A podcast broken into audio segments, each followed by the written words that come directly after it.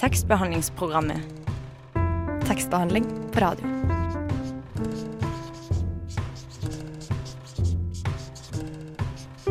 Tekstbehandlingsprogrammet.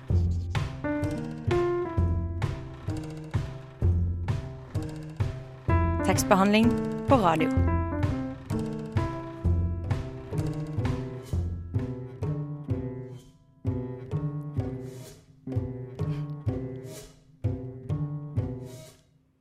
Velkommen her til tekstbehandlingsprogrammet. Du hører på Radio Nova. Og i dag så har jeg med meg Torolf. Hei. Eh, jeg lurer på en ting. Nå er det jo lenge siden vi har sett hverandre, siden det har vært jul. Mm, veldig. Hva er din største leseropplevelse, eller har du oppdaga noe ny litteratur i jula? Ikke så mye ny eh, litteratur, eh, fordi altså, jeg har bare slappet av eh, 100% faktisk. Eh, da burde man egentlig lese, men det har jeg ikke gjort. Uh, Istedenfor uh, å lese har jeg lest New York Times sin uh, ukentlige eller daglige oppdatering uh, på europanyheter. Det er jo et kjempetips. mm. I dag så skal vi få besøk av forfatteren Ros Roskva Koritsinski. Jeg er veldig usikker på uttalen av etternavnet. Jeg får spørre etterpå. Hun har nylig gitt ut novellesamlinga 'Jeg har ennå ikke sett verden'. Ja, og Klassekampen skrev at uh, det går en dyster engel gjennom novellene hennes. Og Dagsrevyen har skrevet at Roskva har et originalt og skarpt blikk på verden. Så det blir spennende. Ja, Vi gleder oss til å få besøk. Men aller først skal vi høre redaksjonsmedlem Stine. For Stine er veldig glad i å lage lister. Og denne gangen har hun laga en liste om Vel, vi får vel egentlig høre hva den handler om. OK. Så jeg sitter i en bar med øl eller noe. Det kommer litt an på hvilken dag i uka det er, men sannsynligvis er øl. Og så har jeg kanskje til og med tatt på litt leppestift. Litt, ikke mye, men nok til at jeg er litt stressende, så tenker er den borte? Må ta på mer? Ja, hele den greia der. Jeg Har ikke begynt av meg, men det er klart. Har jeg sett denne baren? Det er en date. Og hvem av alle de fantastiske romankarakterene der ute hadde vært den beste daten for meg. Jeg har laga lista. Nummer syv. Spiderman, eller Peter Parker, som han egentlig heter. Han er kanskje ikke en ideell date, i og med at han støtter og stadig må stikke fra stevnemøtene sine. Bare spør Mary Jane eller Gwen eller ja, er de andre hundre damene. Men han er morsom og sjarmerende, da. Litt tøff. Kul. Og så har han veldig stilig drakt. Altså Han er en superhelt.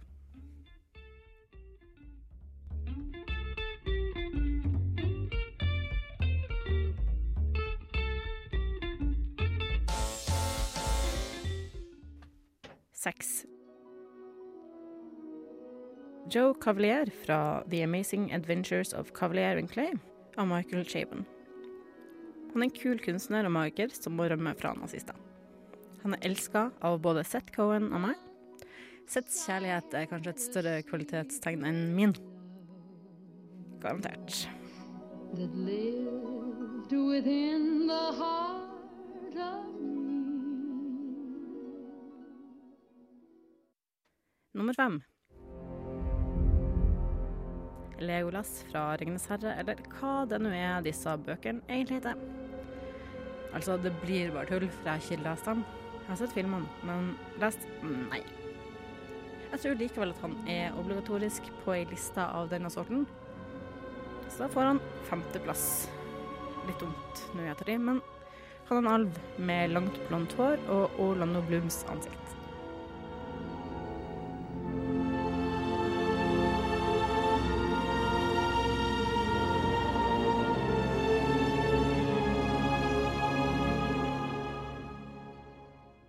Nummer fire. Mathias fra Bøssalen, hvor ble det av deg i alt mylderet? Av Johan Harstad. Mathias er fra Råland, og han har derfor det jeg i mange år mente var verdens fineste dialekt. Det teller fortsatt litt. Han er gartner. Det er fint. Han forsvinner. det er litt dumt. Men vi har litt til felles, da, om ikke grønne fingre. Mens Mathias er besatt av tanken på å være en evig toer, som Buzz Aldrin, så er jeg veldig opptatt av å vinne. Eller iallfall ikke å tape. I tillegg ønsker han å både være usynlig og viktig på samme tid. Jeg er usikker på om vi hadde blitt et bra par eller bare gjort hverandre mer enn jeg før. Men uansett så er vi nok begge forhåpentligvis 72,8 varme.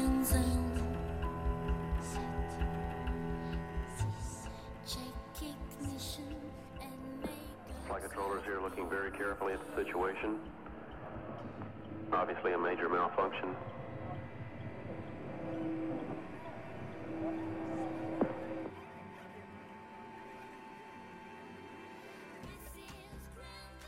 Tredjeplass Anders fra Sofie og Tøff-Anders av Kjersti Skien. Anders er tøff, det sier seg sjøl. Han er selvsagt også litt skummel, men skikkelig grei sånn, egentlig. Og jeg er fullstendig klar over at dette ikke er en roman. Men boka, som er for barn, var en favoritt i mange, mange år, og jeg sammenligna alle guttene på barneskolen med Tøffe Anders. Nummer to Ronny Wiltersen. Jeg kan ikke skjønne hvem som egentlig liker Harry Potter best. Ronny er så mye morsommere.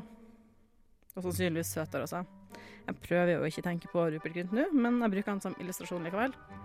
For illustrasjonen så må du gå på nettsida vår, radionova.no. Det føles litt feil å si at jeg hadde likt eh, at han skal sitte her sammen med meg og drukke øl nå. Men alder er bare et tall. Og jeg leste bøkene for første gang da jeg var betydelig yngre enn det jeg er nå. Så da er liksom Da er det greit. Altså, jeg lover deg. Altså, det er greit. Førsteplass Cosimo fra Klatrebaron av Italo Calvinio. Det er en utradisjonell førsteplass fordi jeg ikke kjenner karakteren sånn personlig. Eh, Dessuten bor han i tre. Sistnevnte gjør han nok litt lite tilgjengelig. Men min aller beste venn anbefalte han, så får han automatisk førsteplassen. Og arrangerte ekteskap eh, pleier jo å fungere, så hvorfor ikke arrangerte dater?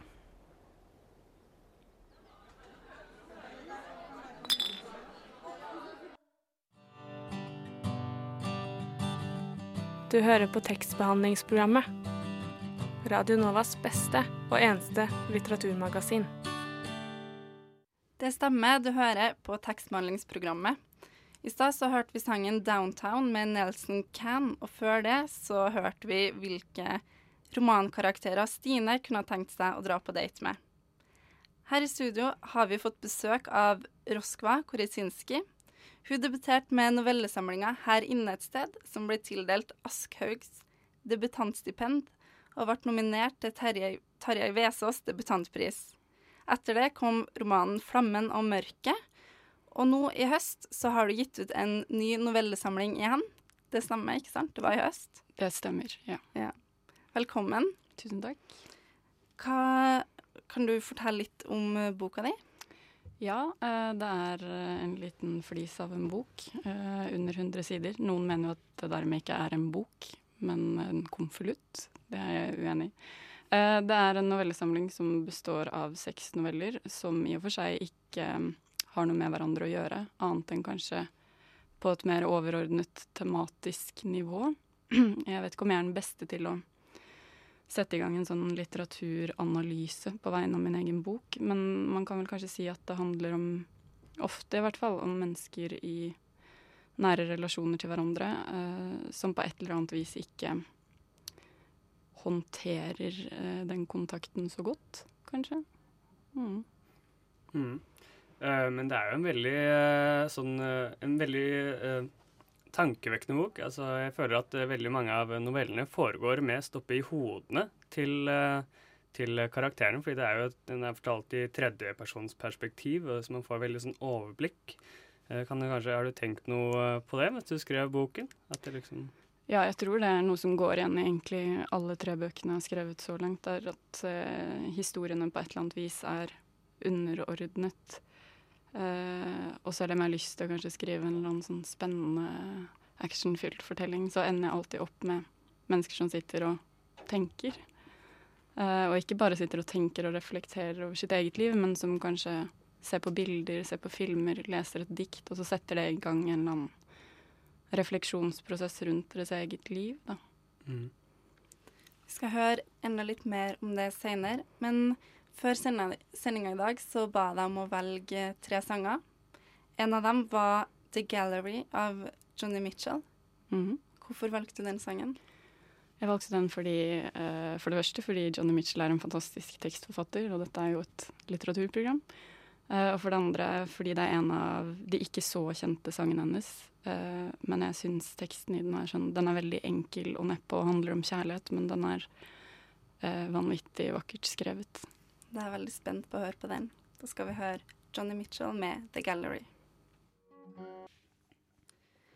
Det var Johnny Mitchell med The Gallery. Du hører fremdeles på Radio Nova, og sammen med oss har vi Roskva, som er forfatter. Og i boka di um, så beskriver du mange forskjellige mennesker, og du var litt inn på det i sted. Hva er det som er Hva tror du er likhetstrekkene mellom dem? Er det noe som er likt? Ja, eh, jeg tenker kanskje at uh, ett uh, fellestrekk er at de eh, alle er veldig verbale, hvis man skal si det på den måten. Altså ikke verbale i at de har så mye kontakt med andre og er veldig pratsomme, men de har en sånn hang til Kall det overanalysering eller begrepsfesting da, av virkeligheten. Um, som på et eller annet vis kanskje er en mekanisme som, gjør at, som er der fordi de prøver å komme nærmere ting og forstå dem og komme nærmere andre mennesker, men som i siste instans muligens bare fjerner dem fra det de egentlig prøver å forstå. Da. Um, det tenker jeg kanskje er et uh, fellestrekk, samtidig som de har mange ulikheter også. Ja, for den er ikke så um, Den er ikke så konkluderende i novellene. De er ganske åpne. Mm. Tror du det er også noe som uh, gjenspeiler menneskene, eller? Ja, kanskje. Uh, men det kanskje, gjenspeiler vel kanskje først og fremst min egen eh, En endring i min litteraturinteresse fra første boka mi og fram til nå. Den første novellesamlingen kanskje stilt seg mye tydeligere i en sånn type klassisk eh, novelletradisjon, hvor man har dette overraskende vendepunktet, og det foregår over kort tid, og, og sånn. Eh, og så hadde jeg lyst til å skrive en novellesamling som så annerledes ut, eller det føltes riktig å gjøre. eh, og har lest vel så mange kortromaner som novellesamlinger mens jeg har jobba med den teksten, så den bærer nok preg av at sjangeren kanskje ikke er like tydelig definert. Da. Man kan jo nesten se det på den første novella, fordi den er jo uh, nesten som en uh, romanåpning, eh, tenkte jeg på. Og vil du kanskje lese et utdrag for oss? Ja, jeg kan lese et utdrag fra den første novellen. Mhm. Um, det er ikke fra begynnelsen av den, det er fra ca. midt i. Eh, kort eh, introduksjon. Eh, hovedpersonen har begynt å ligge med en fyr, eh, og de bruker mer og mer tid sammen. Han heter Lars Bakken. Lars Bakken hadde bestandig en snus under leppa. Han smakte kaffe, tobakk og søvn. Det kunne gå mange dager mellom hver gang han vasket seg, og han skiftet sjelden undertøy. Disse vanene var kanskje frastøtende, men hun opplevde dem ikke sånn. Hun var heller ikke spesielt begeistret for dem.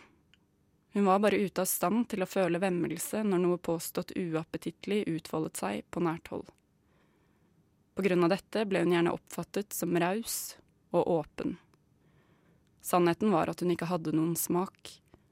Hun manglet evnen til å danne preferanser. Like sjelden som hun ble frastøtt, ble hun begeistret. Og i all hemmelighet tenkte hun på seg selv som ikke helt menneskelig. Hun hadde hatt mange kjærester, alle sammen med svært ulike livs- og væremåter. Hun lette ikke etter den rette mannen eller den rette måten. Alt var bestandig rett, og hun ble rastløs og gjorde slutt på forholdene, men ikke i påvente av noe bedre. Forholdene, og avslutningen på dem, var bare en måte å få tiden til å gå på. Slik levde hun. Hun måtte få tiden, som var livet, til å gå. En annen grunn til hennes likegyldige og eller rause innstilling til folk generelt og menn spesielt, var at hun helgarderte seg. Hun ble rent uvel ved tanken på at hun selv skulle bli bedømt på grunnlag av vanene sine. Sin måte å bo på, sine forsøk på hverdag og fritid, som omfattet et soverom som til forveksling lignet et narkoreir, men også et kjøleskap med eksklusive oster og et kjøkken der det ikke sjelden ble tilberedt avanserte retter.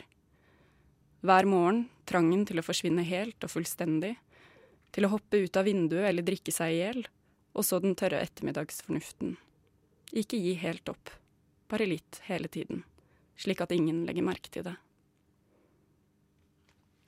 Tusen takk. Selv takk. Vil du fortelle litt om det du leste nå? Ja, Um, hva lurer du på, holdt jeg på å si. Uh, nei, jeg tenker at uh, her handler det jo om en person som eh, påstår overfor seg selv at hun ikke vil bli fanget i noen kategorier, og samtidig så gjør hun jo det helt manisk selv. Eh, driver på med et sånt selvsorteringsarbeid, da. Eh, og nå leste jeg bare et kort utdrag, men videre så handler det om hvordan hun heller ikke vil plassere denne nye elskeren, eller hva man skal kalle det, i noen bås. Um, og i den friheten hun prøver på en måte å gi han, så fanger hun han også, fordi uh, da lar hun han heller ikke være en som kan berøre henne, da. Uh, verken positivt eller negativt. Mm. Mm. Eh, det er jo sånn at tittelen din, eh, tittelen på boka er jo tittelen på novelle. Mm. Eh, 'Jeg har ennå ikke opplevd verden'. Og ja, Unnskyld. jeg har ennå ikke sett verden. jo, eh, men Og det er jo veldig stort, det er jo verden det er snakk om. Men mange av novellene foregår i veldig små klaustrofobiske rom, føler jeg. Hvor de liksom lukker seg inni da, for eksempel altså, De lukker seg inn i noen båser som de selv setter opp, for eksempel med hun som eh, ikke vil definere seg selv, allikevel så gjør hun det veldig magisk. Manisk, unnskyld. Eh, men hvordan er det liksom eh, karakterene opplever verden? I, Nei, jeg tror eh, Jeg veit ikke. Eh, som sagt, jeg syns det er så kjedelig å begrepsfeste det, for det gjør boka mindre Ikke bare mindre manisk, men Mm. også mindre magisk. eh, men samtidig så tror jeg at de alle kanskje opplever at de må først finne ut av seg selv, og så kan de bli kjent med andre eller se verden. Mm. Altså, det er akkurat som de tror at det må foregå et eller annet sånn sorteringsarbeid inni dem selv for at de skal bli klar for å ta imot alt det som er rundt dem. Um, og sånn, tror jeg, sånn kan jeg føle det i mitt eget liv. Sånn opplever jeg kanskje at mange rundt meg har det òg. At man hele tiden føler at man ikke er klar, da. Eh, klar for å liksom møte andre mennesker slik de er, eller se verden i all sin, i alt sitt mangfold på et eller annet vis.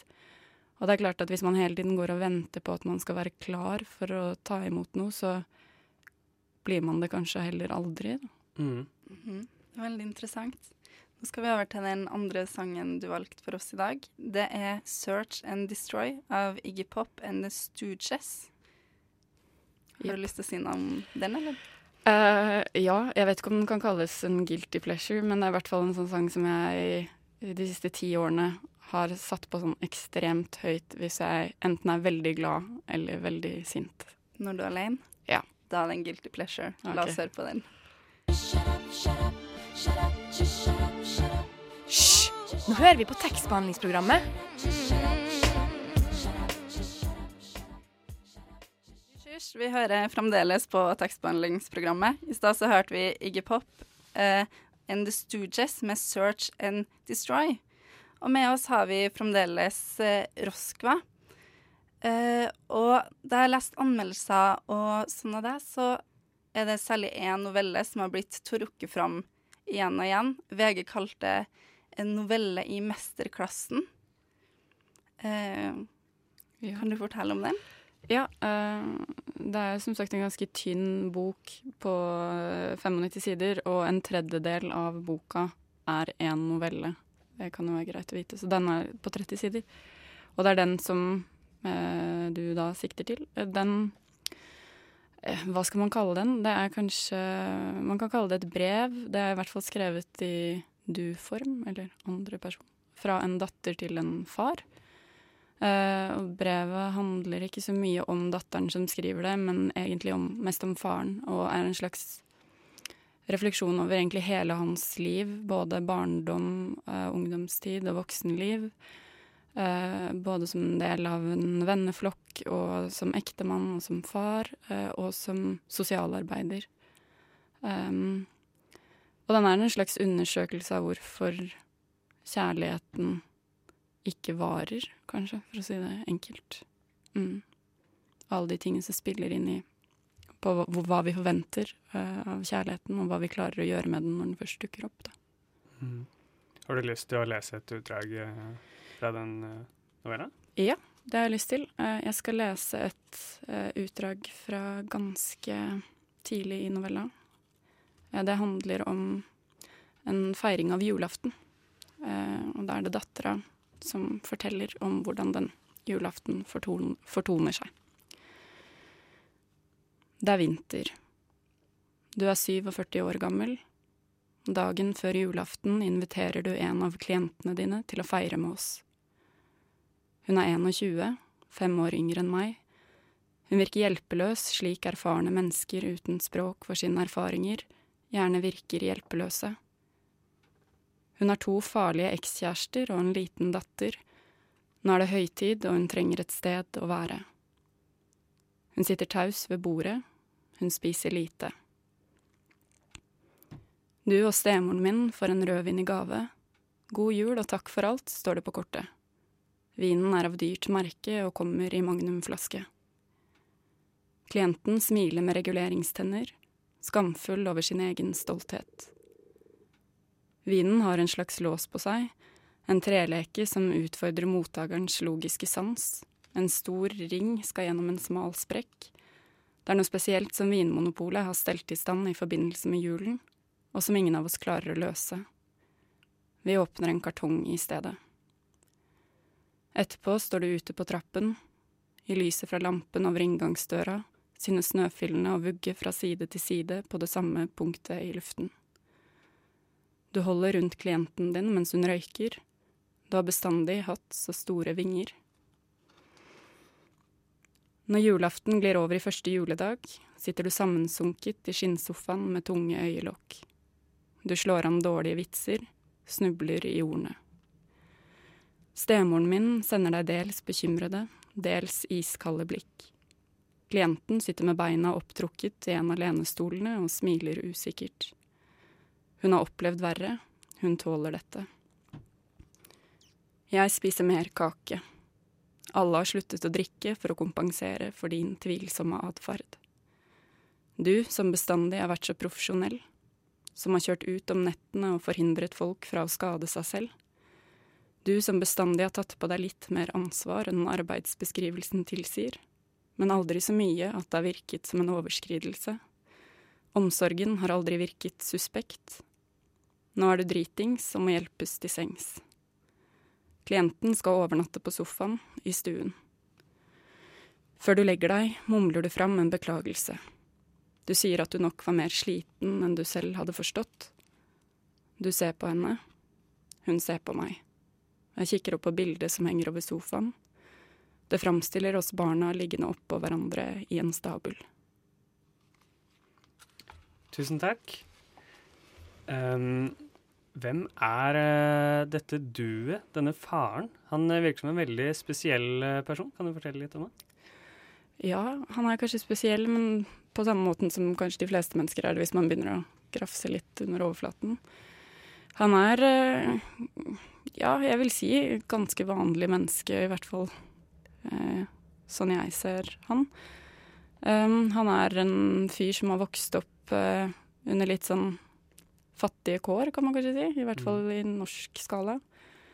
Uh, vært uh, en pøbel på skolen og røyka hasj og uh, stjålet litt ting og vært en kvinnebedårer. og så har han vært gift en del ganger og fått en del barn. Um, og jobber da som Jeg vet ikke akkurat hva han jobber som, men han jobber i hvert fall med ungdommer som ruser seg, da, eller som har falt på skråplanet. Mm. Mm. Mm. Men han har også vært dyslektiker. Men så fant de ut at han er ikke dyslektisk eh, lenger. Det er Veldig rart. Uh, jeg tror Veldig spennende. Ja, for det, det, jeg har tenkt rundt det, er at uh, han har fått en slags sånn dysleksidiagnose i barndommen. Uh, som det viser, viser at det, det, er han ikke. Hvis man tester han med litt mer moderne tester, så er det fordi han er lat. Er det fordi han Er det fordi vi kaster diagnoser for lett rundt oss? Altså, men ja, mm, det stemmer. Mm. Han er dårlig til å skrive, men han er ikke en dyslektiker. Mm. Mm. Uh, jeg og Torolf snakka tidligere i en sending før jul, så diskuterte vi Edvard Leves sin sjølmord. Ja. Og der også er det jo det duet som henvendes til å nøste opp livet til denne personen som tar sjølmord. Mm. Så vi så litt sånn likhetstrekk kanskje i måten Um, den novella er skrevet, er det noe du har blitt inspirert av ja, sjøl? Ja, absolutt. Eller? Det er en av de bøkene som har vært viktigst for meg da jeg jobbet med den novellen. Uh, og jeg har brukt veldig mye av måten han strukturerer teksten sin på uh, uh, i det arbeidet. Men også Perec, som Levé er inspirert av. Altså Perec, en fransk forfatter som holdt mye på på midten av 50-tallet. Og han har skrevet bl.a. en bok som heter 'En mann som sover', som ble, ble, var veldig inspirert av da han skrev selvmord. Så begge de to bøkene har vært veldig viktige. Mm. Mm. Nå skal vi høre en sang fra A-lista vår her på Radio Nova. Det er Anana med 'Veig'. Er du hypp på å lese en bok, eller? Er du hypp på å lese en bok, så kan jeg anbefale jeg har ennå ikke sett 'Verden' av Roskva Kortsinski. Nå sa jeg det feil. Koritsinski. Sa det riktig først. Mm. Men du, det her er jo en novellesamling. Men du har jo skrevet både noveller og også en roman. Mm. Um, hva er forskjellen? Forskjellen er at eh, det er helt jævlig å skrive roman. uh, skal jeg aldri gjøre igjen. Jo da, det kan jo hende at jeg skal. Men um, jeg syns det var vanskelig fordi Beklager. Um, fordi jeg er veldig glad i det å kunne skrive en tekst, og så skrive en annen tekst, og så motsier de hverandre på et eller annet vis. Eller de har konkurrerende perspektiver, eller de er uenige med den andres blikk på verden. Uh, mens Og det kan du gjøre i en roman òg, selvfølgelig, hvis du lager en veldig sånn kompleks fortellerstruktur, eller Men i den klassiske romanen og klassiske fortellingen så må du på et eller annet vis velge én stemme som skal være bærende. Uh, og det uh, Da blir jeg veldig sånn Jeg blir veldig skeptisk til den hovedpersonen jeg skriver om, og jeg blir veldig lei av den og får veldig sånn klaustrofobisk følelse av at jeg vil på en måte ut av det. Og det tror jeg den kanskje romanen bærer litt preg av, for den er skrevet litt sånn med veldig mange ulike stemmer og, og på mange ulike måter også, fra mm. kapittel til kapittel. Mm. Hva er det novellen kan som uh, uh, romanen ikke kan, da? Synes, sånn, helt ja, helt konkret. Jeg tenker at novellen kan fungere kanskje mer som et, et bilde. Uh, det er litt som å si hva er forskjellen på et teaterstykke og et maleri. Altså, de to formene kan også ulike ting, og jeg tenker at novellen ligger nærmere på et eller annet vis billedkunsten i at den mer åpner et rom enn at den skaper et rom, mm. hvis det går an å si det sånn. At den peker ut mot noe større. Uh, mens romanen liksom hele tiden må forsvare seg selv, da, på et eller annet vis. Mm. Mm, skaper på en måte små tablåer mm. av virkeligheten. Mm. Du nevnte Vi snakka jo litt om Edvard Levé i stad. Mm. Er det noen andre novelleforfattere for eksempel, som du ser opp til, som inspirerer deg i ditt arbeid? Ja, eh, jeg er veldig, veldig glad i en tysk forfatter som heter Judith Herman. Uh, hun, altså jeg skriver ikke som henne i det hele tatt, men jeg syns hun skriver veldig bra. Uh, og veldig glad i Clarice Lispector. hun skriver ikke noveller, men hun har utgitt en del som veldig korte romaner. Flør Jaggi kom med en veldig god um, novellesamling for noen år siden som heter 'Jeg er broren til XX'. Hun skrev en roman på 80-tallet som het 'Tuktens lykkelige år', som har blitt en sånn kultroman, som også er veldig fin. Så ja, og Kafka sine noveller er selvfølgelig fantastiske. Mm. Mm. Det var jo en uh, novelleforfatter som uh, vant Nobelsprisen for ikke så mange år siden, Alice mm. Munro. Har du eh, lest noe av henne? Jeg har lest en del av henne. Um, og jeg, altså, jeg, helt udiskutabelt at hun er veldig god. Men uh, hun beveger seg i et eller annet sånn landskap mellom romanen og novellen som kanskje gjør at det for min del mister litt av den magien som jeg syns at novellen har. da, Den samme åpenheten. Um, men altså, for all del, jeg får masse ut av å lese det, men hun står liksom ikke øverst i kurs hos meg. Hun er vel litt mer um, konkluderende kanskje i stilen enn uh, din åpne. Mm. Men nå eh, har vi, må vi nesten avslutte her. Det har vært kjempekoselig å ha deg på besøk. Veldig hyggelig å være her òg. Tusen takk. Har du til, eh, har du lyst til å introdusere din siste sang? Det kan jeg faktisk ikke, for jeg husker ikke hva de folka som har laget den heter. For den er fra en veldig god film som heter 'Pina' av Wim Wenders. Som Ja. handler om koreografen Pina. Håpa at jeg skulle få slippe det, for det hadde et utrolig The Here and After heter låta, men hva de heter, vet jeg ikke. Med Jun Mikyaye og Lisa Papine... Ja. Veldig bra. Tusen takk. Selv takk. Der hørte du valget til forfatter Roskva, som vi hadde på besøk i stad. Eh, nå skal vi høre eh, Sofus Greni fra nye til gamle bøker, kan man da si. Eh, vi skal til Antikvariatet. Antikvariatet. Når jeg av ulike grunner oppsøker et antikvariat, er det alltid noe bestemt jeg ser etter. Noen ganger kan det være snakk om en spesifikk bok eller en forfatter, men uansett er jeg alltid på jakt etter bøker fra Verdens Unge-serien. Verdens Unge ble utgitt av J.V. Cappelens forlag på 60- og 70-tallet. Bokserien hadde som formål å plukke opp og gi ut unge, lovende og internasjonale forfattere. I serien finner man skikkelser som Philip Roth, Hugo Claes og en personlig favoritt, franskmannen Jean-Marie Gustave Loclesio. Det jeg liker med serien, er at når bøkene kom ut, var de fleste forfatterne unge mennesker, gjerne i 20-årene, med andre ord, mennesker på min egen alder. I tillegg er det ofte snakk om en debutant. Av alle bøker som inngår i et forfatterskap, er det ingenting som er like spennende som debuten. Det er startskuddet, boken som er skrevet før forfatteren så å si ble forfatter. Det er gjerne i debuten at viljen, drømmen og fantasien om å skrive tilkjennegir seg, og ofte opplever jeg at det er et helt særegent budskap som vil frem. Da er det heller kanskje ikke så overraskende at jeg skal snakke om en bok fra denne serien. Romanen heter Underlig ensomhet og er utgitt under pseudonymet Philip Sollers som forsiden omtaler som Frankrikes 23-årige debutant som har vunnet verdensry med sin roman om en ung gutt og hans første kjærlighet. Boken utkom i 1958 og forelå i norsk oversettelse to år senere. Før jeg snakker om boken, vil jeg gjerne si noen ord om forfatteren som du kanskje, eller kanskje ikke, har hørt om. Philip Sollers er på ingen måte en anonym skikkelse. Snarere er han en kjent figur fra den store franske teoretiske bølgen som avstedkom på 60-tallet. Han var pådriver i en rekke sentrale litteraturmagasiner, og vanket i en intellektuell elite. Han var god venn med blant annet Roland Barth og psykoanalytikeren Jacques Lacan. Han er også gift med den sentrale tenkeren og filosofen Julia Kristeva.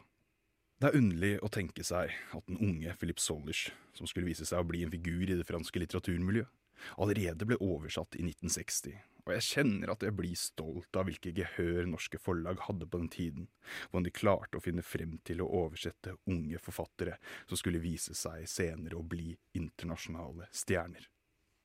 Boken handler som nevnt om en ung manns første kjærlighet. I boken følger vi en 16-åring fra et borgerlig hjem som forelsker seg og innleder et forhold til sin spanske barnepike. Det er hovedpersonen selv som forteller i et nokså aristokratisk ordvalg, og en blir usikker på hvorvidt han er til å stole på.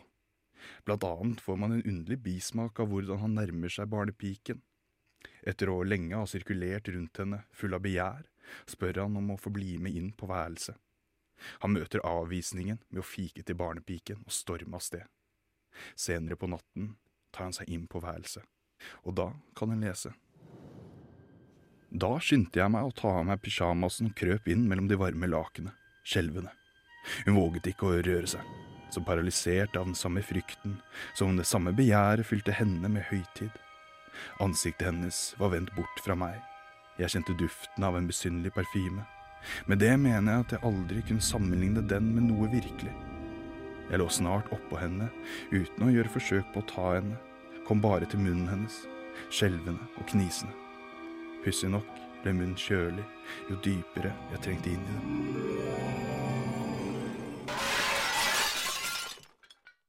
Til tross for den overgripslignende scenen utvikler forholdet seg og fortsetter når hovedpersonen har flyttet til Paris og blir student. Det er først og fremst her hovedpersonen kjenner på sin egen ensomhet og lengsel etter barnepiken. Og på mange måter tar romanen en kjent vending. En ung og fortvilet mann driver rastløst gjennom storbyen Paris. Det fortelles om korte rangler, sporadiske besøk til bordeller, men alltid er tanken på barnepiken der. Etter hvert går det opp for han at barnepiken klart har andre elskere, at hun kanskje har vært prostituert, og at hun egentlig ikke foretrekker menn, men kvinner. Likevel, ingenting av dette ser ut til å rokke ved hovedpersonens begjær. Er kanskje ikke så mye mer å si om den korte romanen når det gjelder plott.